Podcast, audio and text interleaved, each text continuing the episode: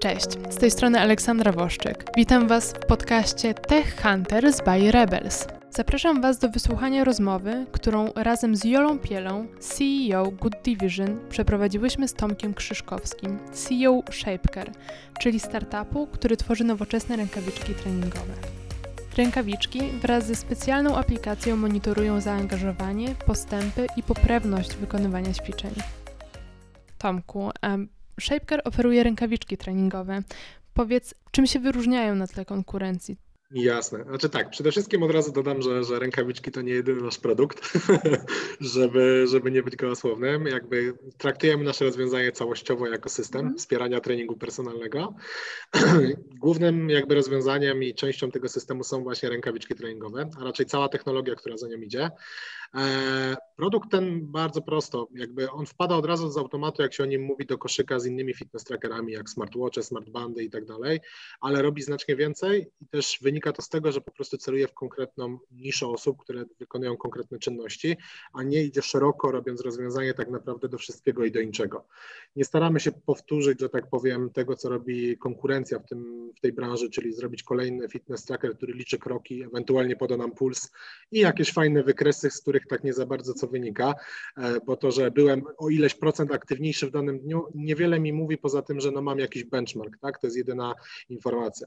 A co jeżeli e, użytkownik czy osoba, która ćwiczy, chciałaby się dowiedzieć coś więcej? No i właśnie to jest to, w czym my staramy się być lepsi, i w czym nasz produkt tak naprawdę stara się być e, rozwiązaniem innowacyjnym.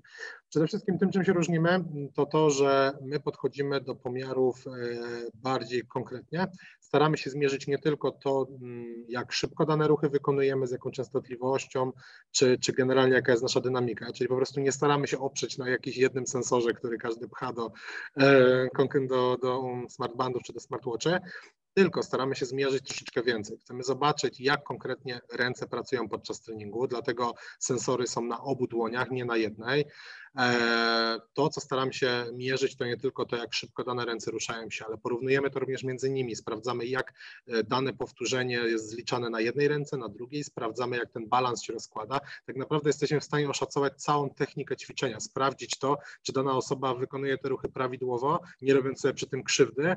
E, no i co najważniejsze, poza tym, że, że badamy takie parametry dynamiczne tempa, no to skupiamy się również na tym, jak, dana, jak dany ciężar, jak dany uchwyt rozkłada się pomiędzy rękami. Mamy ten sensor wrzucony do rękawiczki na górę, no i tam są jakby, tam jest baza kilku sensorów takich podstawowych, które mierzą nam właśnie nasze parametry oraz parametry właśnie naszego ruchu, tempa pracy i dynamiki oraz mamy sensory wszyte bezpośrednio w rękawiczkę. Tak naprawdę u nas cały produkt jest rozwiązaniem, które nas mierzy i to jest duży postęp, że tak powiem, z naszej strony w tej branży. No i tak naprawdę główna innowacja technologiczna, czyli jak zawrzeć technologię, żeby na przykład wiedzieć, że w kilku punktach na ręce, e, jak trzymamy gryf, siła rozkłada się nierównomiernie.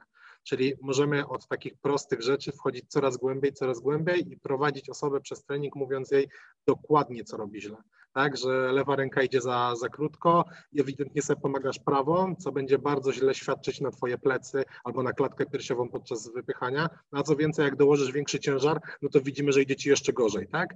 I to jest rzecz, którą normalnie w idealnym świecie wyłapuje trener personalny, który stoi za nami i widzi, że te ręce pracują nierówno, że robimy sobie krzywdę tak naprawdę, a nie ćwiczymy. E, ale nie zawsze tego trenera możemy mieć ze sobą, tak? W idealnym świecie każdy miałby swojego i chodził na indywidualne sesje, no ale niestety, no, jak statystyki to też potwierdzają, znaczną część nas po prostu nie stać. Czasem jeden trening wprowadzający dwa, czasem z jakimś znajomym, ale to jest za mało. I mhm. niestety przez to większość ludzi pogłębia swoje wady, ponieważ idzie, ćwiczy raz źle, ćwiczy kolejny raz, potem dokłada ciężaru, bo wydaje jej się, że już jest e, dużo lepiej. No i niestety kończy się jak to kończy, tak? W najgorszym wypadku będzie kontuzja, e, w jeszcze gorszym jakieś trwałe uszkodzenie. Mhm. To ja może Cię zapytam, e, tak z mojej perspektywy, no bo mieliśmy e, przyjemność pracować razem w trakcie programu. Mm, jakie, jakie Ty, bo powiedziałeś bardzo dużo informacji. I jako, jako taki obserwator tego, jak taki startujący biznes można przedstawić najskuteczniej rynkowi, bo w gruncie rzeczy o to chodzi, żeby rynek zrozumiał, co mu sprzedajesz. Widzę tutaj taką ścieżkę w ogóle rozwoju sportowca czy, e, czy osoby, która rozpoczyna swoją przygodę ze sportem, no bo z jednej strony mamy w ogóle to, żeby rozpocząć, żeby tą technikę um, zacząć budować na, na właściwych podstawach, czyli taki, taki e, punkt wejściowy, ale później znowu mamy te wszystkie parametry biometryczne, parametry związane z tym, jak ten e, trening przebiegał, zbieranie tych danych, czyli to wszystko, co buduje już później dla tych wszystkich geeków technologicznych wartość. Więc ja widząc to tak z boku, widzę, że to jest taka ścieżka właśnie budowania tej świadomości wśród waszych użytkowników, wśród sportowców, wśród rynku. I jedna rzecz, która mi się bardzo podoba, to jest to, że e, wy, wy, macie, macie świadomość tego, że wasza konkurencja to nie są tylko ci, którzy robią dokładnie to samo co wy, ale to są produkty pokrewne, to są produkty, które mierzą być może jakąś część tego, co wasz produkt potrafi zmierzyć. To, z czym się, e, bo, bo to też, żeby ci, którzy słuchają tego z boku, mogli zobaczyć, jaka, jaka jest wartość w ogóle z tej pracy, bo e, analiza rynku bardzo często jest robiona w taki sposób, że dobra, no to sprawdźmy, kto robi na rynku dokładnie to samo, co my i kto robi to dokładnie tak samo jak my i sprawdźmy, i co nam z tego wynika? No, że mamy pięć osób czy pięć firm, które robią rzeczy takie same jak my w bardzo podobny sposób. A tak naprawdę wy wychodzicie, i, i to mi się bardzo spodobało w pracy z wami, wy wychodzicie od tej potrzeby waszego klienta. Wasz klient chce ćwiczyć w sposób poprawny i chce zbierać dane, chce się uczyć, chce monitorować swój postęp. I jemu tak naprawdę jest wszystko jedno, czy on ma wstążkę, czy on ma zawiązaną na kostce, czy on ma zegarek, czy on ma jakiś pasek, czy on ma jakiś chip, czy jakby co, co, cokolwiek. Dla niego to jest wtórne. Dla niego najważniejsze jest to, e, jaką on ma korzyść. Więc to jest, to jest super wypracowane. I, I wydaje mi się, że może być ciekawe dla, dla słuchaczy, żeby, żebyś trochę opowiedział o tym, jak wy do tego doszliście, żeby w ogóle się porównać z rynkiem, albo jak to się zaczęło, jaką potrzebę zobaczyliście, że, że, która wpłynęła na to, jak ten produkt wygląda i jak ty dzisiaj o nim mówisz. Jasne. No to jest e, bardzo, dzięki w ogóle za miłe słowa, bo cieszę się, że, że, że w dobrym kierunku poszliśmy. Mhm. E, wydaje mi się, że to właśnie wynika z tego, że my dość dużo czasu poświęciliśmy i to naprawdę dużo na początku na zweryfikowanie takiej realnej, realnej potrzeby, czy nawet zdefiniowanie problemów, tak? Wyszliśmy od tego i to już było dużo czasu temu. My wtedy jeszcze, każdy z nas siedział w innym projekcie, każdy z nas robił jeszcze co innego wtedy, e, ale już z tyłu głowy mieliśmy, że, że widzimy konkretne problemy, każdy z nas je widział i chcieliśmy je spróbować jakoś rozwiązać. I żeby było przekornie, to na początku rozwiązanie wyszło nam zupełnie inne, tak? Stwierdziliśmy, że jeżeli ktoś chce coś mierzyć na siłowni, bo już jakby doszliśmy do tego, że będziemy celować w problemy tych ludzi, tej dużej grupy, potwierdziły to gdzieś nasze badania, sprawdzenie rynku, że tych ludzi jest coraz więcej, zresztą no, daleko szukać, patrzymy po znajomych, po rodzinie, prawie każdy już przynajmniej raz w życiu karnet na siłownię miał, więc tych ludzi zaczynało przybywać, ludzie ćwiczyli w domach, w klubach i tak dalej, no to stwierdziliśmy, że skoro znaczna z nich część ćwiczy w klubach, wtedy jeszcze nie wiedzieliśmy, że może nadejść coś takiego jak pandemia, że te kluby zostaną zamknięte, ale jeżeli e, widzieliśmy taką potrzebę wśród ludzi, no to stwierdziliśmy, dobra, no to zróbmy tą siłownię bardziej smart, tak? Bo zaczynały się pojawiać już takie trendy, stwierdziliśmy, dobra, no to zróbmy sensor, zróbmy urządzenie, które każdy będzie mógł albo kupić, albo siłownia będzie mogła nabyć, zamontować na maszynie i zrobić ją smart. A użytkownik będzie potrzebował tylko jedną ładną aplikację do wejścia i zrobienia wszystkiego, co chce, a maszyna mu inteligentnie powie, co on tak naprawdę robi.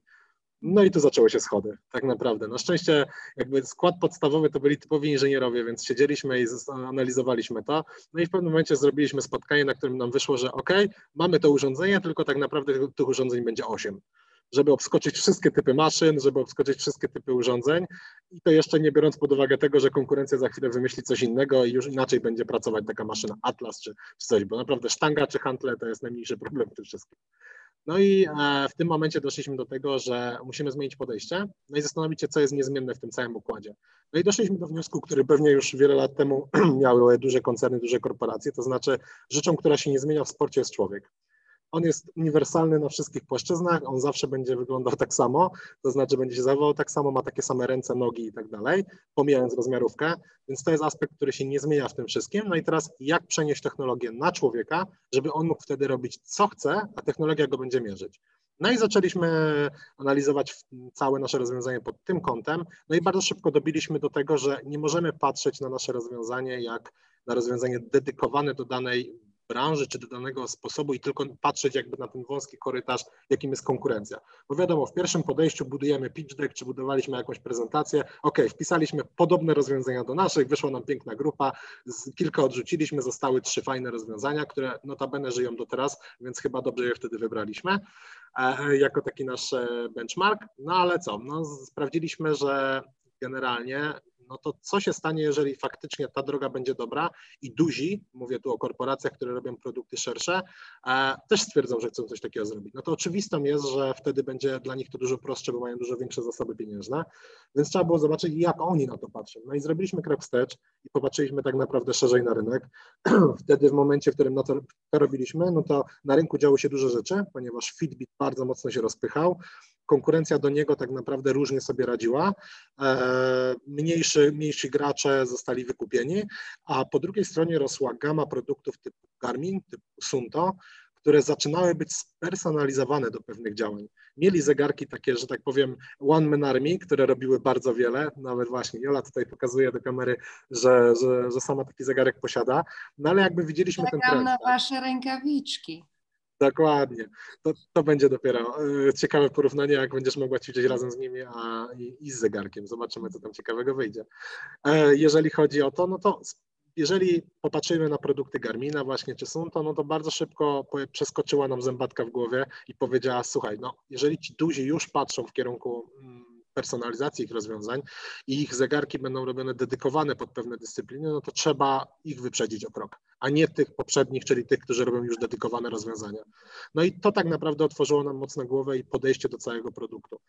Wszystkie dalsze kroki tak naprawdę były w wyniku tego, że my tak od razu patrzyliśmy na nasz produkt, na, nasze, na nasz system, no i wyewoluowało to również później w system software'owy, czyli jakąś aplikację i system wsparcia taki dodatkowy, e, ale to jest jakby wszystko w wyniku tego, co na początku podjęliśmy, jakie decyzje podjęliśmy. No jasne, czyli taki typowy rozwój, znaczy nie typowy, tylko właśnie taki bardzo, bardzo dobrze przeprowadzony rozwój produktu, obserwacji rynku, e, rozwoju, czyli też tego, co zrobić, żeby, żeby klienci mogli jak, mieć jak największą korzyść, ale też jak, żeby jak najłatwiej dotrzeć do tych klientów, bo jak sam powiedziałeś, ten pierwszy próg wejścia de facto już sam w sobie był, mówiąc po startupowemu pivotem, bo, bo pokazał Wam, że ta pierwotna wersja produktu e, będzie bardzo trudna i to pewnie spowodowało, że przenieśliście bardzo duży akcent tego rozwiązania na, na software, e, co zasadniczo ob, jakby zwiększa zasięg, jednocześnie też obniżając pewien koszt dotarcia i koszt produkcyjny, bo macie jeden produkt, który dzięki softowi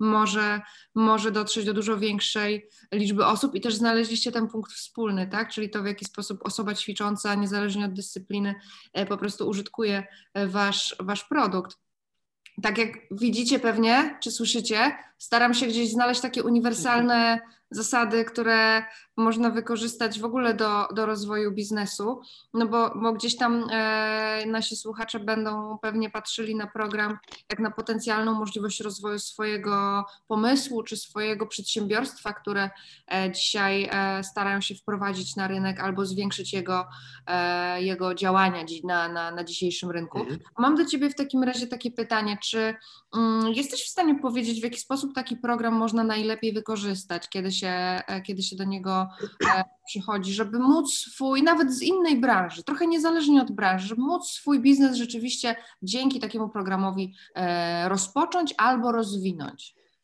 Jasne. Znaczy przede wszystkim wydaje mi się, że taką dużą mocą takiego programu są osoby, które za nim stoją, bo w momencie, w którym my przychodzimy, czy to z pomysłem, czy już nawet właśnie z pomysłem jakimś skonkretyzowanym, który chcemy realizować, to mm, tak naprawdę dla największym challenge'em na początku, takim wyzwaniem, które każdy powinien sobie postawić, to jak najszybciej sprawdzenie tej koncepcji gdzieś dalej. No i teraz tak, można to zrobić z klientami, ale po pierwsze nie każdy jest w stanie tak szybko to zrobić, bo na przykład planuje produkt hardware'owy, którego wiadomo, że znikąd nie, nie stworzy i po prostu go nie ma, nie będzie w stanie tego szybko zweryfikować. To nie jest apka, którą można naskrobać jakby w dwie minuty jakieś podstawowe rozfunkcje i przetestować, więc trzeba sprawdzić koncept. No i teraz tak, konceptu z klientami nie sprawdzimy, trzeba go sprawdzić z kimś, co na przykład biznesie siedzi dużo dłużej. A mhm. osoby, które są mentorami czy prowadzą własne biznesy, dużo lepiej mm, tak naprawdę od razu e, przekażą nam informacje, mówiąc dosadnie, co jest źle w naszym projekcie, nie używając bardziej dosadnych słów, co nie zadziała, co nie, co nie będzie miała prawo zadziałać, albo co po prostu źle przemyśleliśmy. I nie, ma się, nie można się tego obawiać. Challenge jakby naszego pomysłu, naszego konceptu z kimś jest bardzo ważny, ponieważ pewne strategie, właśnie pivoty na początku bolą najmniej i z tego sobie trzeba zdać sprawę. Więc e, każdy późniejszy element e, zmiany będzie dużo bardziej kosztowny, jak już wejdziemy, jak produkt zacznie się robić, czy jak już ludzi zatrudnimy. Po pierwsze, każdy każdego to będzie bardziej boleć, a, a zespół może też stracić motywację, jak usłyszy po pół roku, że słuchajcie, połowa naszych rozwiązań idzie do kosza. Tak, więc im wcześniej takie elementy wyłapiemy, im wcześniej wypowodujemy, to będziemy mieć tak naprawdę dużo łatwiej później. No i taki program poza takim właśnie bezczelnym sprawdzeniem i yy, tak naprawdę oceną naszych, naszego podejścia pozwoli nam wypracować takie strategie. I to na każdym etapie. I tutaj nie należy się obawiać tego, że nie wiem, jesteśmy za wcześnie, bo nigdy nie ma za wcześnie. E, tak samo nigdy nie ma za późno. Lepiej się dowiedzieć w pewnym momencie, nawet na naszym przykładzie patrząc, że pewne strategie podejścia, nie wiem, do już teraz marketingu, do komunikacji, do sprzedaży są błędne bądź nie zadziałają, mhm. ponieważ lepiej się i tak dowiedzieć o tym w tym, w tym momencie, a nie jak te pieniądze zostaną na przykład wydane, produkt pójdzie na przysłowiową półkę, i na tej półce zostanie, tak? Więc e, wydaje mi się, że można na to patrzeć bardzo szeroko. Na każdym etapie mm, program tego typu wsparcia osób jest ważne i tak naprawdę w normalnej pracy na co dzień według mnie co jakiś czas powinno sobie, się sobie samodzielnie znajdywać osoby, nawet właśnie w, mm, we własnym otoczeniu, czy na jakichś eventach, czy, czy networkingach, i po prostu mówić, mówić dużo o tym projekcie, słuchać, co ludzie na ten temat myślą. Wiadomo, że w pewnym momencie może wszyscy będą mówić, że jest super, super, ale znajdzie się ta jedna osoba, która będzie szczera, która będzie chciała się zainteresować takim produktem i powie nam dwa zdania, które mogą nam zupełnie otworzyć oczy i zmienić perspektywę. I to jest według mnie taka duża moc tego typu programów. Możliwość sprawdzenia, obgadania, no tak jak my tutaj, to już jest któryś raz, jak się widzimy w podobnym składzie, ale też w międzyczasie rozmawiamy z innymi osobami i co takie kolejne spotkanie podejrzewam, że nawet moja, moje przedstawienie pewnych rzeczy się zmienia, bo już właśnie wyciągam wnioski na podstawie tego, co ktoś mi powiedział albo co mu nie leżało, tak? Więc nawet ten taki bym powiedział prosty pitch, czy przedstawienie pewnych ważnych wartości w projekcie trzeba w kółko, w kółko rozwijać i takie programy są świetne pod tym kątem, bo można w krótkim czasie tak naprawdę e, sprawdzić to z wieloma osobami, które od razu są nakierowane na to, żeby nam pomóc. Więc według mnie to jest duża, duża potęga, zwłaszcza dla młodych projektów albo takich, które dopiero wchodzą na rynek, będą sprzedawać. Aczkolwiek podejrzewam, że jeżeli by tutaj siedział obok mnie ktoś, kto już ma wieloletni biznes, e, kto, kto prowadzi mm, takie rozwiązania i tak dalej, ma produkt, ma klientów, powiedziałby, podejrzewam to samo, bo on tak samo musi się challenge'ować z rynkiem, musi się sprawdzać. Jola na pewno to potwierdzi, że, że wielokrotnie podejrzewam w swoim biznesie tak samo dostaje e, różne dobre e, wnioski. I tak naprawdę tak. Tak naprawdę to, jak je wykorzystamy, to tylko będzie rzutować na nasz projekt i na, nasz, na naszą firmę. Powiedziałeś absolutnie, absolutnie wspaniałą rzecz, Tomku. Nawet dzisiaj o niej pisałam gdzieś tam u siebie na, na kanałach, bo dostałam takie pytanie, jak, jak zaplanować strategię e, dla, dla startupu, który jeszcze nie istnieje. E, I, I odpowiedziałam, że jak najszybciej po prostu pójść w rynek, jak najszybciej zacząć rozmawiać z ludźmi, jak najszybciej zacząć w, jakby z, zrobić ten crash test, bo jakby ja jako twórca biznesu też mam, wpadam w tą samą pułapkę, to jest ego, to jest perfekcjonizm, to jest poczucie, że e, ja jeszcze nie jestem gotowa i powinnam jeszcze w jakiś sposób doprowadzić ten produkt do perfekcji, zanim z nim wyjdę w rynek. Problem polega na tym, że moja dzisiejsza percepcja perfekcji jest kompletnie abstrakcyjna, bo ja jeszcze nie wyszłam z tym do rynku, a tak naprawdę to, to, to że, że ja sobie powiem, że okej, okay, dobra, to już jest ten moment, to nic nie oznacza, bo ten moment jest wtedy, kiedy jakby tam, gdzie twoi klienci zostawią kasę. To jest pierwszy moment, w którym masz potwierdzenie, okej, okay, dobra, to, to, to, to działa to jest, to jest dopiero ten pierwszy moment. Ale masz rację, wszystkie rozmowy, wszystkie, um, wszystkie takie y, sprawdzenie w ogóle tego, czy ludzie rozumieją, na czym polega Twoja usługa. Bo jak zaczynasz, ty w swojej głowie przemieliłeś to, czy w swoim zespole przemieliłeś to już tak wiele razy, że pewne rzeczy są oczywiste, zaczynasz posługiwać się skrótami myślowymi, pewne rzeczy wydają się już po prostu tak naturalne, że, że przestajesz je tłumaczyć, a okazuje się, że jak wyjdziesz z tym na zewnątrz, to że ludzie nie wiedzą, o co ci chodzi. Okej, okay, dobra, ale czym to się różni od tego? Dla, jak, jak ja mam tego użyć? Ale o co w ogóle? Ale w ogóle za co? Dobra, mówisz mi o tej technologii, ale co, co ja z tego mam? Bo właśnie też y, lu, lubimy, lubimy nasz, nasz własny produkt, nasz własny pomysł od strony tego kunsztu, jak on został świetnie zrobiony, jaka to jest technologia, jakie to są materiały, jak to się integruje, jakie to API ma. A klient ostateczny, co go obchodzi twoje, wiesz, API. Niestety dokładnie, to jest ten smutny aspekt, że no. jego tak naprawdę ten cały ogrom pracy zatem nie za bardzo interesuje. Jego mm. interesuje efekt i to jest chyba taka podstawowa rzecz, która najbardziej boli i ja to widzę w sumie w projektach wszystkich takich e, technologicznych. Im bardziej zaawansowana technologia, tym ciężej o niej powiedzieć, pod kątem takim, żeby ją uprościć bo właśnie ludzi nie, mega nie interesuje to, jakie to jest zaawansowane. My też jakby mocno przestaliśmy mówić, jakby porównać pewnie moje wypowiedzi sprzed pół roku, kiedy omówiłem o tym projekcie, no to tam skupienie było totalnie na tym, jaką my technologię wymyśliliśmy, co tam się nie będzie działo. Nikogo to nie obchodzi w przypadku naszego produktu, jak on do końca jest szyty, że tam są jakieś warstwy, że tam się dzieje magia tak naprawdę z naszej perspektywy. Nie, jego finalnie interesuje, czy jak on to ubierze i pójdzie e, ćwiczyć, to czy coś mu to da. Dokładnie. Co on z tego będzie miał. Tak tak, tak, tak, tak. Ale to jest, to jest, e, myślę, że każdy musi taką drogę przejść e, i każdy e, przechodzi przez etap zachwytu swoim własnym biznesem i ja to mówię absolutnie z, po prostu z miłością i nawet śmiejąc się sama z siebie, bo ja w którymś momencie też w biznesie świadomie podjęłam decyzję, że ja nie chcę pracować z działami marketingu, bo ja przestaję mówić o biznesie, zaczynamy używać dziwnych słów, których nikt spoza tego spotkania nie rozumie. Musimy zacząć rozmawiać po prostu z zarządami i z klientami. Bo my w tym marketingu używamy takich słów, że to jest oderwane od rzeczywistości. I podobnie jest w technologii, że, że jasne, ta te, jasne, jeżeli mówisz do, do twojego przyszłego inżyniera czy CTO, e, to pewnie, że mu mów o tej, o tej swojej technologii. Jeżeli ubiegasz się o inwestycje, absolutnie trzeba wykazać, że, że za tym produktem stoi naprawdę dopracowana ta warstwa technologiczna. Ale kiedy mówisz do klienta, jego interesuje tylko, dobra, za ile i co ja z tego mam? Dokładnie. No. Tu się muszę z tą w 100% e, zgodzić i wydaje mi się, że to jest taki największy problem, który trzeba w sobie przepracować. Mhm. I nieważne ile czasu na to poświęcimy, ale wydaje mi się, że to jest rzecz, nad którą trzeba cały czas pracować i delikatnie się tam ubijać e, samego siebie, żeby, żeby się nie... nie ubijać się, tylko wiesz, szlifować w tym ogniu. Znaczy tak, no w sumie lepsze określenie, dokładnie. Ubijać się w biznesie. I tak cię w biznesie ubiją. Więc... No w sumie rację, to może już samemu sobie lepiej nie dokładać. No właśnie. Nie no, mocne suple i, i jedziesz w biznes. Dokładnie. Trzeba być twardym. No myślę, wydaje, że takie przyzwyczajenie do tego właśnie, że się dostaje i że no. stres się podnosi każdego dnia, to jest rzecz, którą się nie da się na nią przygotować, trzeba się nauczyć z tym żyć i potem gdzieś to zaadoptować sobie po prostu. Trzeba wiedzieć, że tak po prostu jest w ogóle. Tu już wchodzimy w jakieś takie bardziej, wiecie, mentorskie tematy, ale to jest trochę tak, że, że w biznesie nas spotyka, jak zaczynamy, po prostu niespotykany wcześniej stres jakby od, począwszy od tego, że nie wiemy, że począwszy od stresu finansowego, który jest na dole piramidy Maslowa, e, po, po poczucie, że nasz pomysł się komuś nie spodoba, po to, że pojawi się konkurencja, że coś idzie nie tak, że nie dotrą jakieś komponenty, że okazuje się, że gdzieś jest jakiś patent, który e, nam przeszkadza, że coś się nie spodobało, że ktoś nagle nas skrytykował i po prostu ten stres jest non-stop. I teraz jakby on nie, i on nie zniknie tylko będzie trudniej. I to jest tak jak w sporcie, że wiesz, że im więcej serii zrobisz, tym mniej cię one męczą. No to tak samo w biznesie, że po prostu im dalej w las, tym jest trudniej, nie? Ale...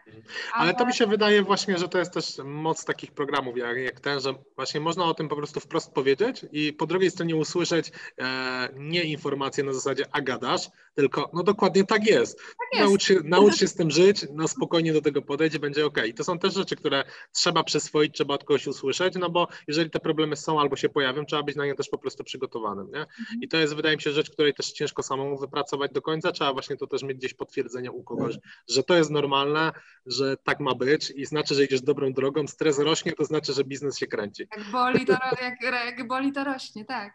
Dokładnie. No jak na siłowni. Tutaj jest jakby pełna analogii tutaj. No biznes to jest taki sport, gdzie musisz rzeczywiście się w ogóle zacząć, zacząć z tym wszystkim e, oswajać. Może jakieś rękawiczki biznesowe.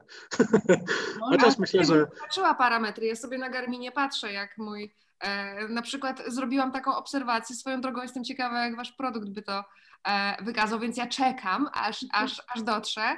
E, na zasadzie porównania takiego, takiego roku 2020 bo ja od trzech lat mierzę sobie wszystko, wszystko Garminem, do 2019, gdzie w 2020 roku po prostu łomot był, no nie trzeba chyba tego tłumaczyć żadnemu przedsiębiorcy, e, a stres leciał w dół. Czyli I po prostu byłaś gotowa na to. Stosowanie w ogóle do, do stresora i do, i do tego bodźca z zewnątrz. I to jest coś, co można bardzo, bardzo fajnie przepracować w trakcie takiego programu, żeby zobaczyć właśnie, jak usłyszysz, że coś jest normalne, że to, że to tak będzie, że ty przechodzisz przez te stadia, jak twój biznes dorasta i że okej, okay, no dobra, no to teraz wyszedłeś z tego, e, z tego etapu, to teraz będzie jeszcze trudniej. Gratulujemy, teraz będzie jeszcze trudniej. No to jest wydaje mi się mega warte do, do obserwowania też wśród innych właśnie, którzy na przykład są kilka kroków przed tobą albo prowadzą duży biznes. Ja na przykład e, ciągle patrzę na mojego wspólnika, który generalnie już ma parę startupów ze sobą, prowadzi jeszcze jakby, jakby inne działania. No i zawsze dochodzimy do takiego momentu, w którym ja już, on, on chyba to już powoli zauważa, że ja zaczynam taki łapać już taka lekkie stres na granicy paniki, bo naprawdę dużo rzeczy się nagle zwaliło naraz, dzwonię do niego, bądź się widzimy i to jest takie tylko spokojnie, to wiesz, jeszcze może być 100 razy gorzej, ty się zupełnie tym nie przejmuj. Tylko złamanie otwarte, oddychaj. Dokładnie, dokładnie. To jest, wiesz, urwało ci nogę, będziesz, masz drugą, spokojnie. I to jest takie, takie momenty, które właśnie czasem trzeba po prostu usłyszeć i jakby, no wiadomo, to magicznie nie rozwiąże twoich problemów, ale potra- pozwoli się przestawić na takie bardziej działanie, a nie panikowanie, tak, bo to jest chyba no, najgorsze, tak, w co tak, można tak. wpaść. Pytanie, czy na przykład jak sobie, jak sobie zadasz pytanie, co mi teraz najbardziej pomoże, czy panikowanie i rwanie sobie włosów z głowy, czy pomoże mi wziąć parę oddechów i się zastanowić, co z tym zrobić. A jak nie mogę tego zmienić, no to co? Panika mi tym bardziej nie pomoże. Po prostu Dokładnie, tylko siebie zmienić. dalej inną drogą. Dokładnie, dokładnie. No to tu się, tu się zgadzamy. Bardzo ważny, bardzo ważny wątek tego, e, jak jest skonstruowana taka, taka firma i czy, czy taki projekt, czy zespół projektowy żeby, żeby zadbać o to, żeby sobie, mm, czy, czy w układzie wspólników, czy w układzie zespołu, zadbać o to, żeby ta taka dynamika e, osób, które, które budują biznes, była, równoważyła się, no bo mamy różne momenty, mamy różne doświadczenie. E, I jest tak, że my nie jesteśmy stworzeni, to jest długi dystans, nie? Jakby tworzenie mhm. firmy e, i, i te wszystkie rzeczy, które się gdzieś tam po drodze wydarzają My też mamy różne momenty w biznesie, właśnie w znoszeniu tego biznesu. E, mamy różne momenty w życiu prywatnym, no bo nadal jesteśmy ludźmi, nie tylko tymi przedsiębiorcami, więc strasznie ważne jest to, żeby ten, ta druga, czy trzecia, czy, czy pozostałe osoby w zespole, żeby też, też jakby równoważyły nas i, i ciągnęły w górę, kiedy my troszeczkę już opadamy z sił. I to jest bardzo ważne i u Was to bardzo fajnie widać, że Wy macie taki e, zespół po pierwsze komplementarny, po drugie rzeczywiście każdy z Was jest odpowiedzialny za swój biznes, tak jak rozmawialiśmy, to to rzeczywiście czułam, że e, i po stronie takiej marketingowej i obserwacji, że ty mi mówisz o, stro, o stronie biznesowej, ale okazuje się, że na przykład w marketingu są, są w zespole bardzo fajne obserwacje, na przykład tego, że, że jasny jest ten wątek technologiczny, e, i tego, i tego takiego sportowego, tej, tej metryki takiej sportowej, ale na przykład to, co Wam świetnie działa w budowaniu w ogóle zasięgu, w budowaniu relacji, to jest jak pokazujecie ludzi w akcji którzy używają waszego produktu.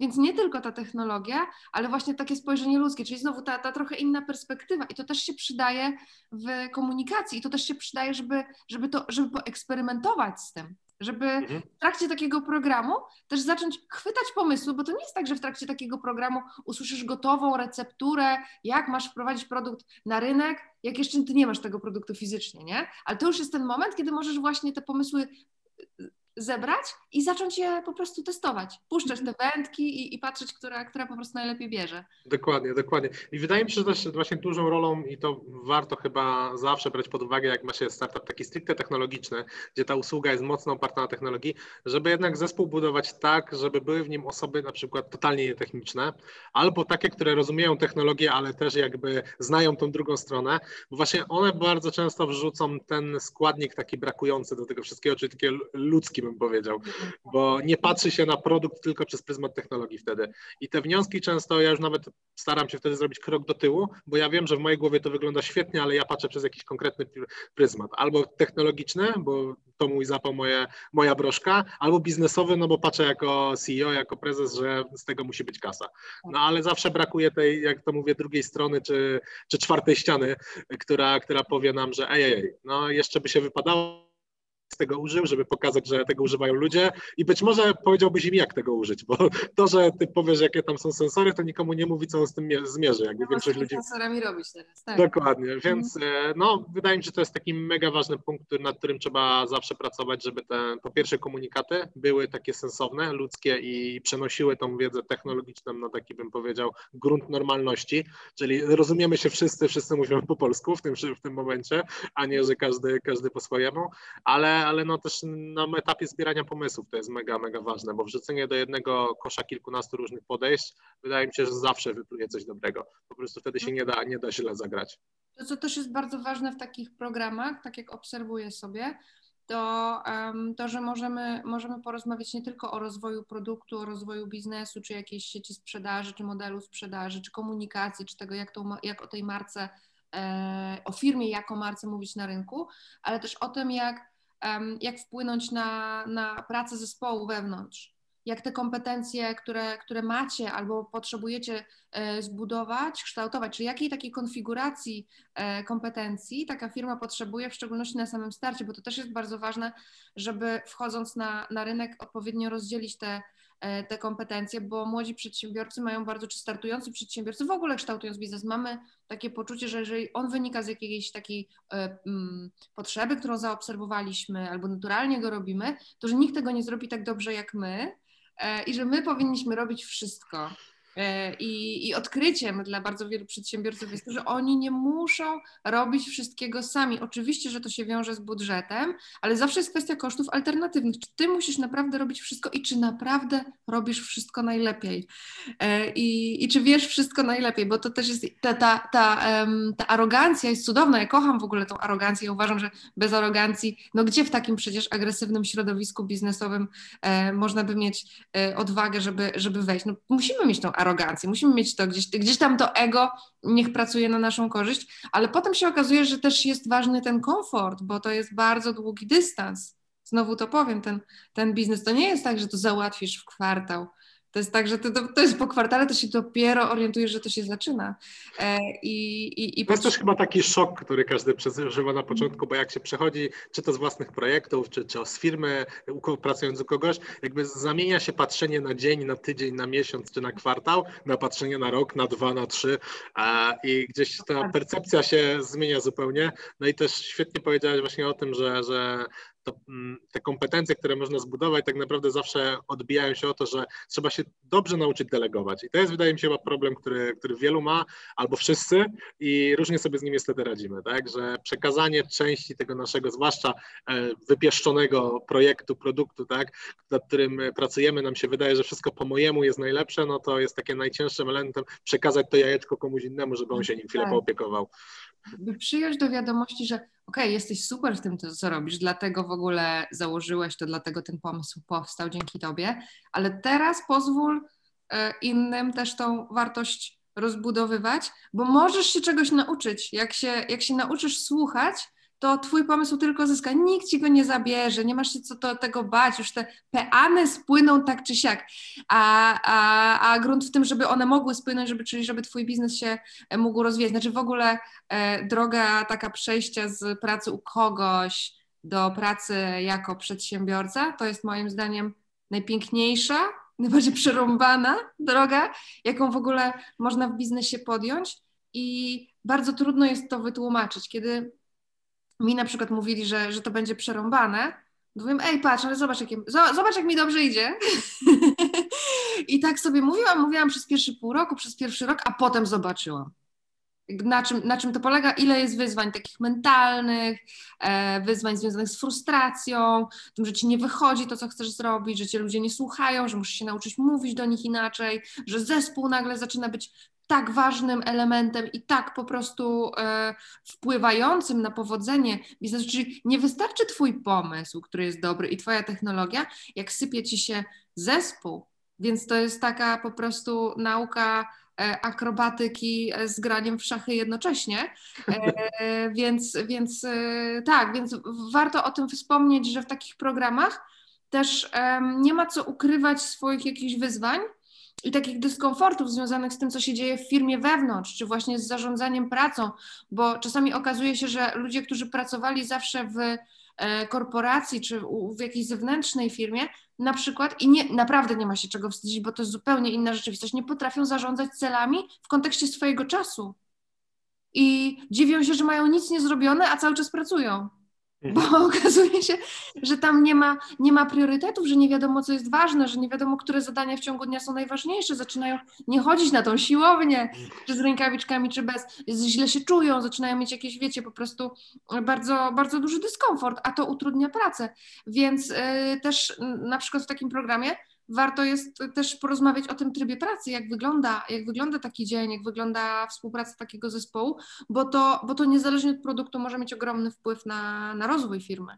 Tak, no jak efektywność spada, że tak powiem, jeżeli wszystko się psuje od góry, no to tak, tak naprawdę idzie to potem w dół, bo też osoba zarządzająca nie jest w stanie dobrze rozdysponować kolejnych tasków, osoby nie wiedzą, co mają robić i tak naprawdę swoje problemy, swoje jakieś tam braki w zarządzaniu własnym czasem przenosi się później na cały zespół. No a jak cały zespół źle pracuje, to nie trzeba długo czekać, aż cały projekt zaczyna siadać, tak? tak? Tempo spada e, i ludzie też widzą, że, że to nie jest to. Że tak powiem, frustracja rośnie nie tylko u właścicieli, tylko też właśnie u całego zespołu. No to jest chyba najgorszy moment, do jakiego można doprowadzić, tak? Mhm. Wydaje mi się zawsze, że gdzieś ta szczerość i poukładanie tego wszystkiego jest lepsze i czasem zatrzymanie się i spojrzenie na to wszystko jeszcze raz wydaje się takim zdrowszym podejściem pod kątem tego, że nie można się gdzieś zapędzić też tym wszystkim, bo potem tak naprawdę to jest tak jak w tym żarcie, zaczyna się e, biegać z taczkami, ale nie ma czasu się ich załadować.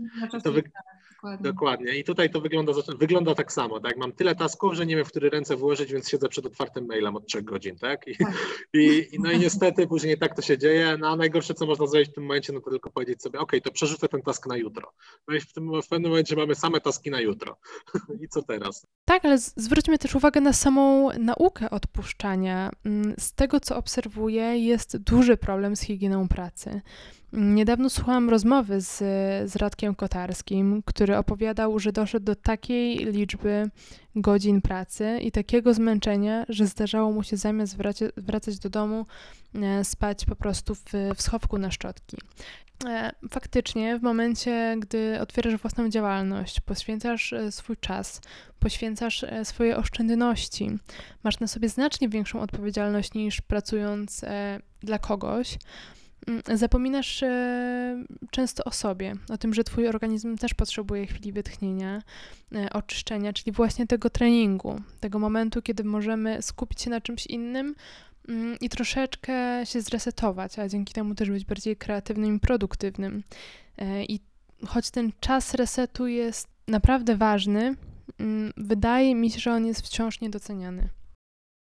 Mhm. Jasne, ale to chyba trzeba też troszkę samemu wypracować, bo ja też już nieraz miałem takie momenty i one dalej mi się zdarzają, że śmieję się, że przychodzi 17, 18, ja się zbieram z biura, bo jadę do domu dalej popracować po prostu.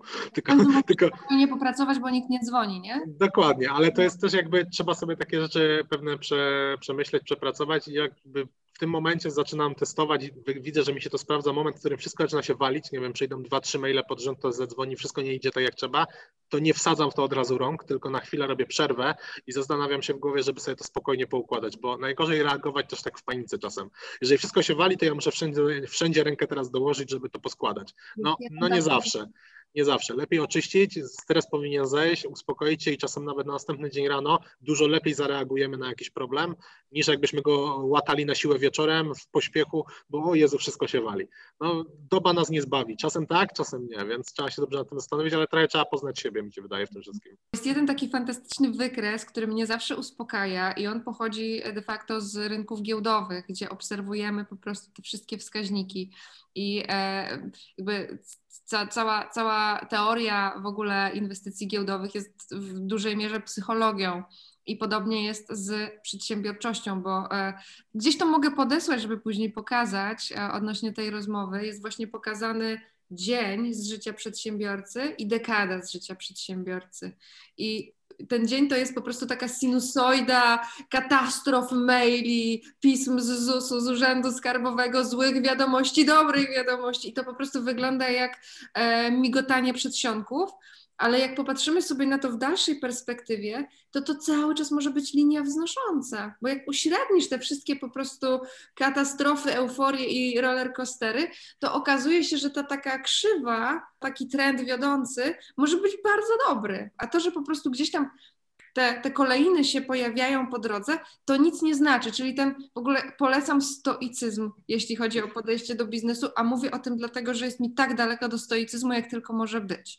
Więc y, w ogóle spojrzenie na to, że okej, okay, dobra, wyrąbało się, to teraz patrzmy, jak płonie, a później na spokojnie, a później na spokojnie wrócimy do pracy.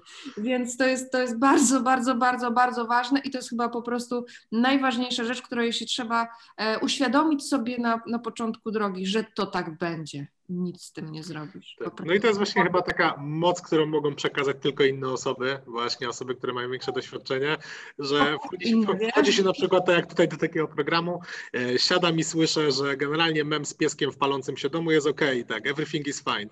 Startup to jest po prostu roller coaster, siadasz, zapnij pasy i ty będziesz wieziony przez góra dół, góra dół, ale masz czym się po prostu odnaleźć, a nie panikować, że coś jest nie tak. Mhm. I wydaje mi się, że to jest rzecz, nad którą właśnie nie przepracujemy jej sami, tylko do, znaczy inaczej, trzeba ją przepracować samemu, ale dobrze jest potwierdzić to gdzieś na zewnątrz. I tak jak mhm. wyszliśmy od tego, że mówiliśmy, że produkt trzeba e, potwierdzać cały czas na zewnątrz, tak samo wydaje mi się, że takie codzienne obawy czy jakieś problemy, które pojawiają się po prostu tak samo trzeba e, gdzieś sobie potwierdzić na zewnątrz, usłyszeć, że ej, to jest normalne, nie? I to jest jakby takie podsumowanie że nie jesteś jedyną osobą na świecie, które, którą takie rzeczy stresują, że to jest normalne, że poziom stresu w prowadzeniu przedsiębiorcy jest zajebiście wysoki i to tak będzie, i że strach ci nie przejdzie, i że zawsze się będziesz bał, a im większy masz zespół, tym bardziej się będziesz bał. Jeszcze a propos memów z pieskami, to widziałam taki po prostu przepiękny, który pokazywał e, życie przedsiębiorcy i był taki labrador, który sam trzymał końcówkę swojej własnej smyczy i się wyprowadzał. I to jest trochę tak z przedsiębiorcą że nie dość, że sam się musisz wyprowadzać na ten spacer i sam siebie wyciągać codziennie z łóżka, to jeszcze innych musisz po prostu za sobą pociągnąć, pokazać im, że warto, pokazać swojemu zespołowi, że warto, a, a kto ciebie za tą smycz ciągnie? I, i, tu jest, I tu jest na przykład kwestia, którą e, ja uważam, że jest super ważna w, w, bardzo wielu biznesach, w szczególności teraz, jak mamy e, tak dużą rolę mediów społecznościowych, to jest to, żeby budować relacje z rynkiem, bo ty potrzebujesz energii z zewnątrz i po prostu ci wszyscy stop, to, to jest to, gdzie ja się ze stoikami powiedzmy mogę pokłócić trochę, nie wiem kto wygra, ja czy stoicy, ale że my potrzebujemy tego feedbacku z zewnątrz i my potrzebujemy tej energii od innych ludzi i tych interakcji. I jasne, jesteśmy super silni i w ogóle wygraliśmy z ZUS-em, ale chodzi o to, żeby, żeby też sobie dać taką, taką platformę do tego, żeby też coś dostać energetycznie, bo my mamy naprawdę dużo, dużo do zrobienia i dużo dodania i, i to dbanie o siebie właśnie takie sportowe i fizyczne, żeby się dobrze czuć, żeby się wysypiać, jednak żeby mieć pewną regularność, rytm jest super ważne, ale też to, żeby o siebie zadbać na poziomie takim emocjonalnym, no bo e, no, no, no, potrzebujemy tego, to jest absolutnie niezbędne, żeby Jasne. zrobić cokolwiek ale wiesz, to tutaj świetnie wchodzisz właśnie w taki aspekt, który my, gdzieś tam ten problem się od początku w naszym produkcie pojawiał, w sensie problem, który chcieliśmy rozwiązać mhm. i nie wiedzieliśmy, jak do niego podejść, bo on jest właśnie na granicy takiego sportowego zacięcia, ale też właśnie psychologii, no to problem z motywacją, tak? On jest mhm. jakby, on się pojawia nie tylko w życiu codziennym w biznesie, ale tak samo w pracy, w sporcie, we wszystkim. No i to był taki element, na którym my się bardzo mocno zafiksowaliśmy, bo stwierdziliśmy, że jeżeli ci ludzie będą dobrze zmotywowani, będą wiedzieć, że po co coś robią, jak to robią, no to narzędzie, które będzie im ułatwiało taką rzecz, samo w sobie już wszystko wygra. Ono już nie musi mierzyć nic więcej, niech cały system pozwoli mu się tylko dobrze zmotywować, żeby ten cel zaczął osiągać. No i gdzieś to nam przyświecało, jak poszliśmy, jak odbiliśmy tak naprawdę i rozszerzyliśmy całe rozwiązanie o software. Stwierdziliśmy, że po drugiej stronie, poza tą technologią, poza tymi wszystkimi sensorami, pomiarami, tym wszystkim, co nas jara jako geeków, powinna być ta druga część taka żywa, dlatego wprowadziliśmy do systemu tych trenerów personalnych. Stwierdziliśmy, że gdzieś tam musi się pojawiać taki aspekt żywej osoby, która nas zmotywuje. Nie powinno to zabierać za wiele czasu, to znaczy jakby właśnie niech oni się nie zajmują tymi tabelkami, niech nie zajmują się tym, to róbmy my, gicy, bo my się na tym znamy, my to lubimy, nas to jara, my się technologią e, zabawimy tak, żeby ona im pomogła, a oni niech się skupią na tym jednym aspekcie, zobaczą wyniki i zaczną ze sobą rozmawiać, zaczną sobie radzić, trener będzie mógł szybko zareagować, jak zobaczy, że wyniki z treningu na trening spadają, widzimy, że jest problem, tak? No i normalnie wygląda to tak, i to też po rozmowach z trenerami nam wychodzi, są dwie opcje. Albo się dzwoni do takiej osoby i słyszymy od niej, tak, wykonałem wszystkie treningi, jest świetnie, i wiesz, że jest kłamcą. I to są podobno natarczywe problemy we współpracy zdalnej, czy w ogóle generalnie pracy z trenerem. Oszustwa to są nagminne, każdy próbuje siebie wybielić. Jak go ktoś zapyta, jak ci idzie, idzie mi świetnie i byłem na wszystkich treningach. A, a drugi, drugi sposób no to właśnie jest. Słucham? Jeszcze raz? Pokaż mięśnie. Dokładnie, dokładnie. Jak, jak to sprawdzić, nie? poza właśnie takimi, takimi buchanymi rzeczami. No a druga rzecz no to właśnie jest to, że jeżeli się pewnie wcześniej takie rzeczy wyłapie, tak naprawdę niewiele trzeba, żeby kogoś właśnie podnieść na duchu. Trzeba mu powiedzieć, ok, jest cięższy okres, może masz problemy prywatne, może coś jest nie tak w pracy, to się przenosi na twoje życie, że tak powiem, e, też sportowe, czy życie generalnie, e, na twoją kondycję i tak dalej, tym się nie przejmuj, zmieńmy coś, dostosujmy, czyli generalnie ten cały aspekt takiej motywacji psychologicznej, wsparcia w tym sporcie według nas jest mega ważny, no a żeby to zrobić dobrze, no to trzeba wiedzieć, że coś się dzieje. No i właśnie według nas to był właśnie klucz skąd te problemy z motywacją, z tą satysfakcją z, tak z treningu, to to, że po prostu my nie wiemy, co się tak naprawdę z nami dzieje. E, mhm. patrzymy po pewnym czasie i widzimy brak efektów, no to co sobie myślimy pierwsze? No to ten mój plan jest do dupy, tak? I musimy, muszę go zmienić albo w ogóle sobie daruję, a tak w ogóle to mam nadgodziny w pracy i nie pójdę na kolejny trening, tak? I satysfakcja z treningu spada, a systematyczność leci na łeb na szyję.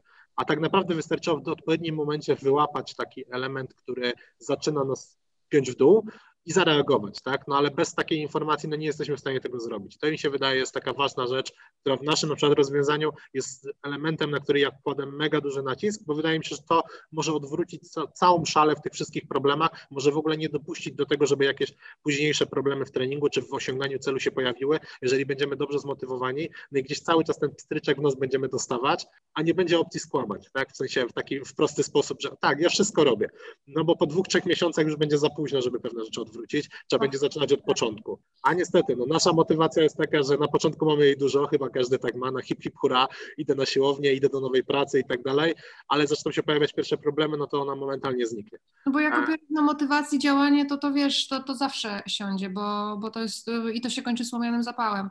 To jest bardziej stworzenie struktury, w której się poruszasz, i po prostu zbudowanie odpowiednich nawyków. A to, o czym mówisz, też jest bardzo ważne, ja to z kolei też moim klientom bardzo często mówię, że jak są jeszcze tacy bardzo ambitni i chcą, i chcą e, po prostu napieprzać, e, to ja im mówię, czy wiedzą, jak jest skonstruowany trening zawodników NBA, bo e, granie w koszykówkę na boisku to jest tylko jedna trzecia ich treningu. Dwie trzecie to jest fizjoterapia i praca z psychologiem a nie bieganie Dokładnie. z piłką i, i, i, czynne uprawianie sportu. Czyli na przykład jedna trzecia, jedna trzecia ich, ich jednostek treningowych to jest praca e, mentalna nad, e, nad postawą zawodnika, nad radzeniem sobie ze stresem, nad radzeniem sobie z presją, nad radzeniem sobie z tym, co się dzieje w drużynie, nie? Czy z jakąś porażką, która się wydarzyła, czy czymś, co oni uważają za porażkę, spadkiem formy. Więc e, absolutnie jest to, jest to kluczowe i świetnie, że bierzecie to pod uwagę, szczególnie, że macie po prostu fantastyczny produkt, który jest w stanie te wszystkie parametry połączyć w całość, tak jak człowiek jest całością, ze swoim życiem, ze swoim biznesem, ze swoim ciałem, e, ze swoimi emocjami, tak samo wasz produkt jest w stanie to odzwierciedlić na poziomie danych tym bardziej czekam na ten produkt. Jasne, to, to, się cieszę w takim razie, ale no, wydaje mi się, że to jest takie dość kluczowe w podejściu, bo jednak no, nie można odrzucać w pewnych produktach tej drugiej części, takiej bym powiedział, warstwy mentalnej czy psychologicznej, generalnie odniesienia tego do życia, no bo jeżeli my dajemy komuś obietnicę, a produkt zawsze jest jakąś obietnicą i my mhm. mówimy, że ty zrealizujesz cel, że ty będziesz miał postępy, no to nie możemy my sami odrzucić tych wszystkich e, czynników, które się pojawiają, bo one nam ten, że tak powiem, cel rozwalą totalnie. Więc my też przygotowując taki produkt musimy brać to pod uwagę.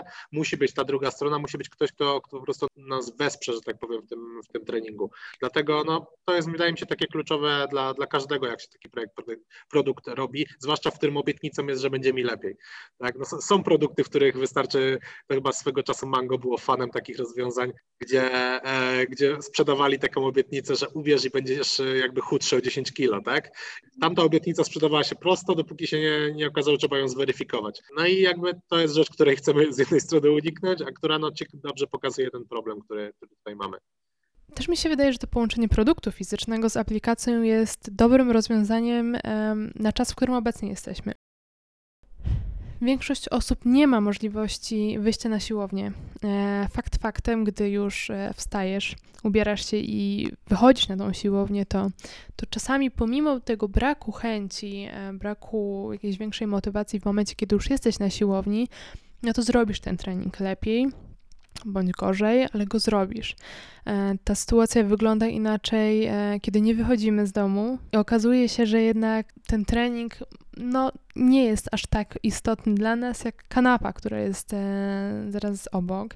Co więcej, w momencie, kiedy trenujemy w domu, to temu trenerowi, który gdzieś tam dotychczas prowadził nas po prostu i, i ćwiczył razem z nami, obserwował postępy naszej pracy, czy, czy sprawdzał poprawność wykonywania ćwiczeń, no w tym momencie on ma ograniczone możliwości weryfikacji e, tych naszych wyników.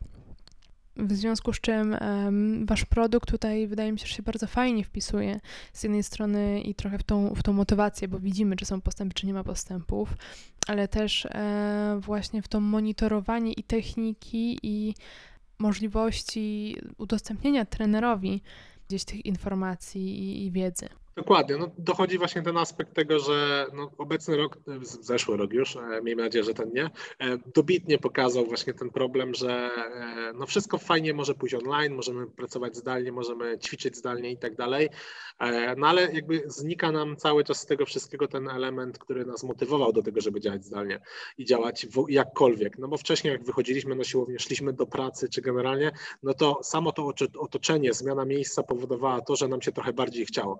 Jakby wiadomo, że był ten element najcięższy, czyli wstać i wyjść, ale jak już powiedzmy zrobiliśmy ten krok, to jak tutaj mówisz, no to już było nam trochę łatwiej, tak, no będąc w, w pomieszczeniu z ludźmi, którzy to samo robią, to nawet samemu przed nimi głupio jest czegoś nie zrobić, słabiej pracować, czy słabiej ćwiczyć i tak dalej. A, no a teraz, jeżeli wszyscy siedzimy w domach, a, gdzie często wstajemy 10 minut przed tym, jak siadamy do kompa, no to mówię tu oczywiście w biznesach, w których to, to się da tak zrobić, no to, no to jest to duży problem. No i treningu tak samo to dotyka. Jak się przełamać, żeby, nie wiem, odsunąć krzesła w kuchni i położyć się, zrobić kilka brzuszków, jak porobić parę pompek i tak dalej. No to wszystko fajnie brzmi na papierze, że tak powiem. Jak ktoś nam powie, zrób to, zrób to, ale co, jeżeli faktycznie mamy gorszy dzień, jesteśmy zmęczeni, albo po prostu no, psychika nam siada, bo od kilku miesięcy siedzimy w domu. E, jak do tego podejść? No i wtedy może się okazać, że taka zbawienna notyfikacja z systemu od twojego trenera, ej, miałeś ćwiczyć minut temu, co jest, no to ona może się okazać tym elementem, którego nam brakowało, tym kopnięciem do tego wyjścia z domu, tak? E, no i to jest, wydaje mi się, taki aspekt, który teraz w dobie ćwiczeń w domu i tak naprawdę późniejszego przeniesienia i zrobienia tego jakoś również na siłowni, czy, czy w zupełnie innym miejscu, bo możemy tu patrzeć też przez pryzmat tego, że są osoby, które dużo podróżują, a chcą dalej ćwiczyć, tak? No i jak utrzymać cały czas jedną, nie wiem, historię treningową, jak utrzymać jeden plan treningowy, jeżeli jestem za chwilę w innym miejscu, dużo jeżdżę w biznesie, albo mam, e, nie wiem, pracuję jako kurczę w turystyce i co chwilę mam jakieś wyjazdy. Jak to utrzymać z jedną osobą i tak dalej. Wtedy taki system jest w stanie fajnie działać hybrydowo. Nie ma mnie, działam zdalnie, robię swoje, ta sama osoba, ten sam system mnie ocenia. Wracam, idę na siłownię z moim trenerem, widzimy się na przykład po 3-4 tygodniach, bo, bo ja byłem w rozjazdach, ale on wie dokładnie, co się ze mną działo przez ten okres i teraz bierze mnie, idziemy, ćwiczymy, narzędzie dalej wykorzystujemy tak samo, technologia nam mierzy, a my sobie pracujemy razem, ewentualnie wtedy korygujemy jakieś błędy, które się pojawiły. Ale dalej, dalej jesteśmy w jednym trybie, no i to nam się wydaje będzie taka też duża siła, jak ktoś mnie pyta, jaka, jaka będzie wasza zaporowość, jeżeli pojawi się za chwilę inne rozwiązanie na rynku. No ja mówię, no właśnie to, jeżeli takie osoby już pracują z takim systemem, działają i to, i to działa, no to one nie porzucą tej historii, tych tygodni, miesięcy wylanego potu na to, żeby zmienić i pójść sobie do, do konkurencji z dnia na dzień, bo ta obietnica może być ciekawsza, ale nie wiedzą jak z jej efektywnością, a my, my będziemy mogli to, to pokazać. No i liczę, że też rozwój samego produktu będzie zachęcający na tyle, żeby ludzie zostawali. Tomku, a powiedz proszę, jakie macie plany na, na 2021 rok? Myślę, że pierwszym planem numer jeden, takim jakim każdy teraz powinien powiedzieć, to przetrwać. E, a oczywiście to tak pół żartem, pół serio. E, naszym głównym planem w tym momencie jest e, wypuszczenie produktu. Za miesiąc planujemy kampanię Kickstarterową, na której zaprezentujemy nasz produkt w całej okazałości. Będzie można go zamówić, oczywiście w premierowej wersji, najlepszej, najszybszej, najtańszej, która, która będzie taką premierą naszą, naszego rozwiązania. No i następnie będziemy tak naprawdę przechodzić mocno i to są nasze główne plany w kierunku mm, stałej sprzedaży, pozyskania naszych partnerów, dystrybutorów, którzy tak naprawdę, tak jak tutaj Jola, czekają na to, żeby móc dostać produkt do ręki, przetestować go i, no i wdrożyć tak naprawdę w swoje kanały sprzedażowe. To jest tak naprawdę duży, duży aspekt, na którym się będziemy skupiać. A drugim będzie właśnie mocny rozwój jeszcze naszej platformy, dotarcia do, do klientów końcowych, bo wiemy, że branża fitness dostała mocno, e, że tak powiem, po dupie tym momencie i, i to trochę potrwa, zanim się odbudują. Wierzę, że to się stanie, ale wiem, że na to potrzeba po prostu czasu i, i, i chęci. Dlatego trzeba uderzyć do tych ludzi, którzy mają i nami im pomóc, czyli e, do klientów końcowych. No i tutaj będziemy specjalnie do nich uderzać, oferty ćwiczeń w domu, na siłowni również, jak się tylko otworzą, więc będziemy nad tym mocno pracować. No i myślę, że kolejne produkty technologiczne będziemy chcieli zacząć rozwijać. Mam głowę pełną pomysłów, część już zaczyna się realizować, więc niebawem może coś, coś więcej powiemy, ale na pewno będziemy chcieli gamę takich produktów, jeżeli tylko to się uda rozszerzyć, e, no i pokazać, że technologia naprawdę może służyć. Super. Bardzo dziękuję. Podobnie jak Jula, bardzo mocno trzymam kciuki za, za wasz produkt, za ShapeCare. U, uwierzcie, że nikt nie czeka tak mocno jak my, żeby już to... Jesteśmy w stanie sobie wyobrazić. Trzymamy za tym kciuki. Super, dziękuję bardzo. Dzięki wielkie za rozmowę. Dzięki wielkie, cześć.